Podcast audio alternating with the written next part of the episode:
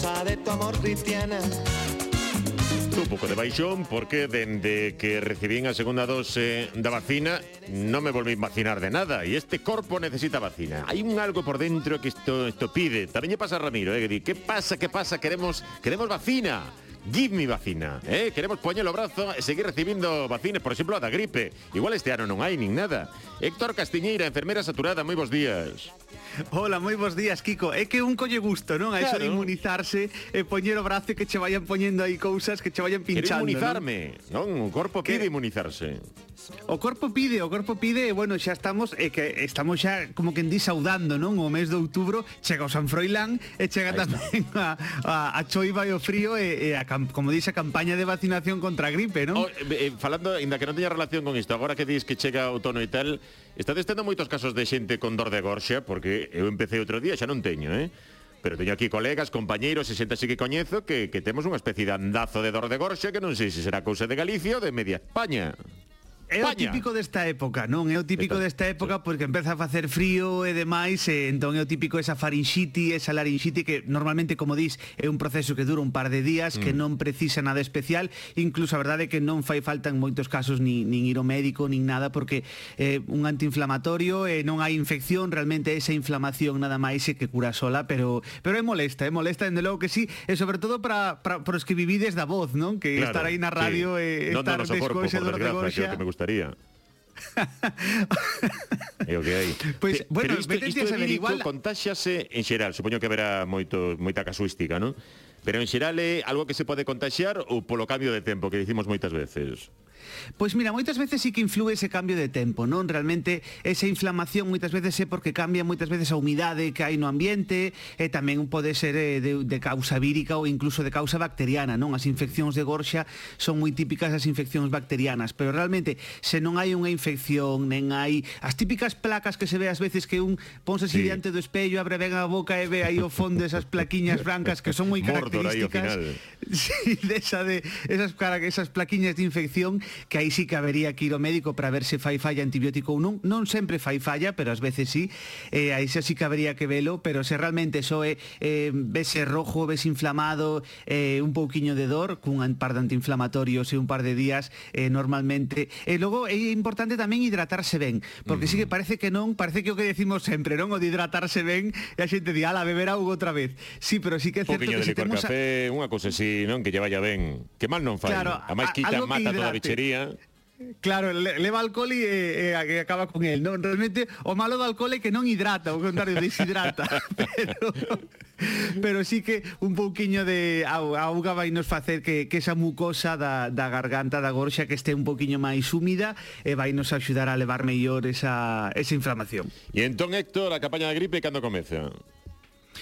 Pois a ver, realmente non temos unha data como tal, así vos posto xa o día, non? O que sí que sabemos é que vai empezar na segunda quincena de outubro, ou seja que estamos xa aí, aí moi pretiño, eh, o Sergas está xa a piques de empezar a, a encher todo de cartéis e demais nos centros de saúde e de empezar a clásica campaña de, de promoción da vacina en, tamén nos medios e demais, así que eso, na segunda quincena de outubro empezaría, entón realmente non temos o día exacto de momento, pero pero si sí sabemos eh, que nesas dúas semanas semanas, nalgún día desas dúas semanas, hai que poñer o bra, empezar a poñer o brazo. Oi que a campaña mm, do outono pasado foi foi un éxito mm, de público e crítica, non tivemos gripe.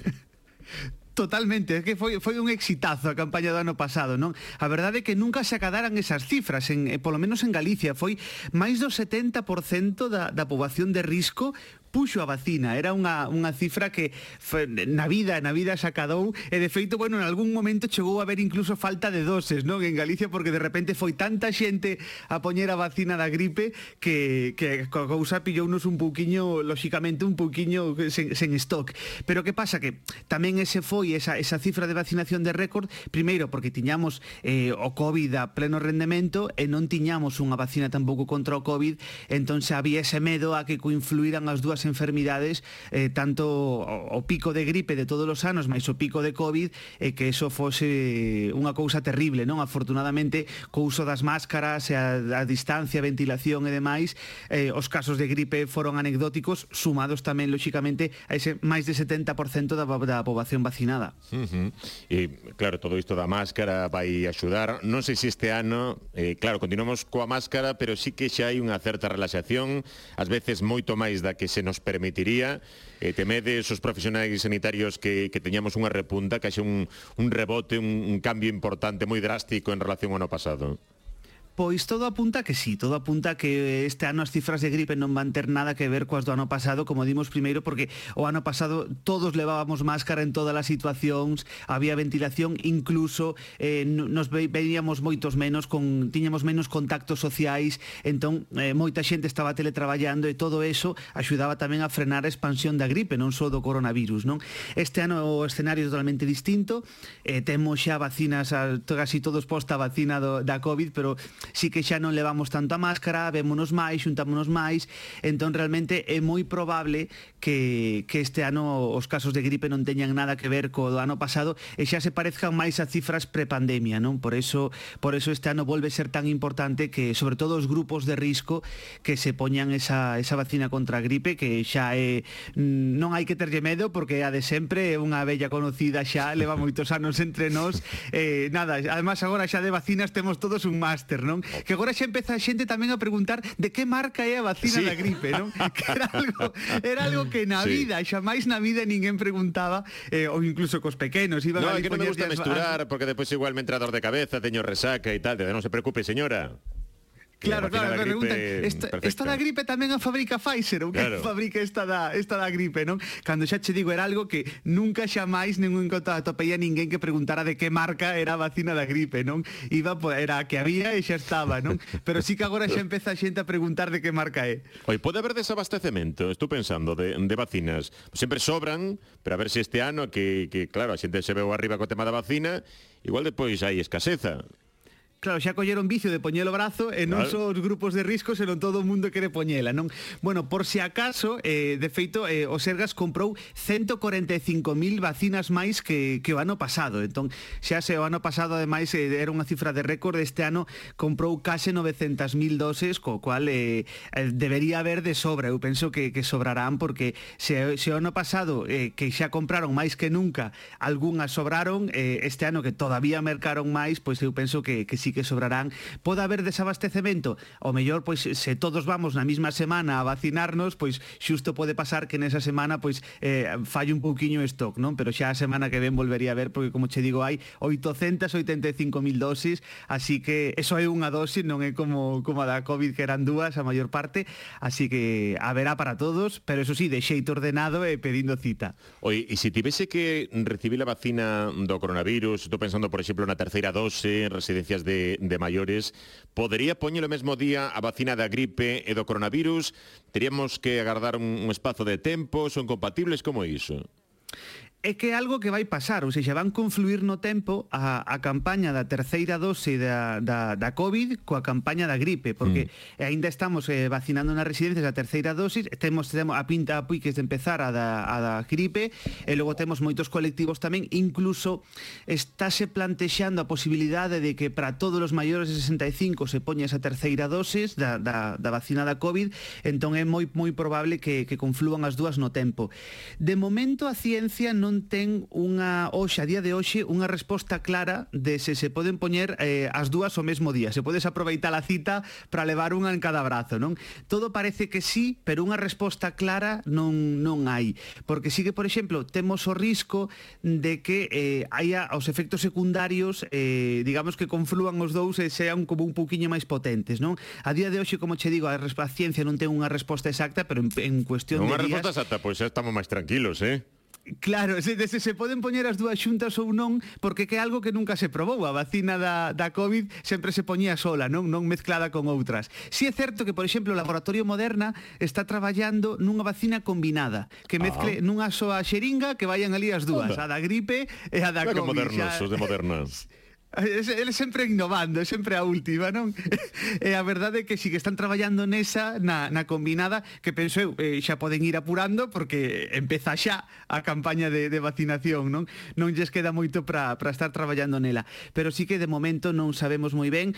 Eh, de momento, a información que temos é que, pois, o máis seguro sería esperar unha semana entre unha e outra. Por exemplo, se poñemos hoxe a terceira da, da COVID, pois agardar máis ou menos unha semana e a semana seguinte ir e poñer a da gripe. Pero moi probablemente en cuestión de días tamén, pois xa saberemos eh, se se poden eh, poñer eh, aproveitar a cita e levar unha en cada brazo e, e poñer as dúas xuntas. Eh, en Madrid aí, mm, sen restriccións dentro luns. Aquí no isto aquí xa isto xa parece outra outra realidade, non? Aquí Hai libertad. Xa, non Aí Pero Madrid, é moi eh? curioso, é moi curioso porque ti, por exemplo, eh, pois eso, eh, non hai ningún problema de aforo en ningún sitio, nin en restaurantes, nin en, nin en estable, ningún tipo de establecementos, estadios, cines e demais, pero eh, si tes problema de aforo, por exemplo, se queres ir entregar un papel ao rexistro, non? Ajá. Que tes que pedir cita previa porque é que, claro, chegas ali e xa che dio da porta, non, claro, que o tema da COVID, e dices tú, claro, pero hai que ser un pouco pero coherente. Libertad non, non é libertad, Coas normas, claro. Bueno. E logo despois, por exemplo, exemplo, pois se, eh, se, que se necesitas ir ao, ao centro de saúde a acompañar alguén ou necesitas queres ir ao hospital tamén a acompañando alguén, pois aí xa tes problema. Por exemplo, eh, facía, fai pouco que queixábase unha muller que estaba embarazada e iba a unha revisión xinecolóxica iban facerlle unha ecografía e quería ir eh, coa súa parella e non podía entrar polo tema da COVID, non? Pero mm. claro, mm. sen embargo, en outros sitios eh, non hai ningún problema de, de aforo. Eu penso que hai normas que quedaron xa de antes, eh, eses protocolos COVID que se puxeron eh, fai ano e medio, dous anos, e que habería que darlles unha voltiña porque parece que só actualizamos uns protocolos e outros non, non? Xa tes o corpo de San Froilán pois estou desexando, estou Dí, desexando verdade, xa que empece. Xa ganas. Al final hai barracas tamén eh, por Bueno, veremos, eh, en principio vai haber barracas, pero creo que hai un sector dos eh, profesionais que, que non están de acordo con, con algún punto sobre a instalación de, de locais para comidas e tal. E supoño que ao final non haberá problema, pero mañá sairemos de dúbida porque mañá é o día no que empezan a colocar as barracas. Ti pide entrada para o soltón, por si acaso, pero se che digo que a ver. Pois eu quería ir, eu quería ir ás barracas, así que esperamos que, que sí que se podga máis. Pódese facer precisamente, pódese poñer de, de xeito seguro, sí. así que o gallá teñamos a Froilán case completo. Moi ben, esperemos que sí. Grazas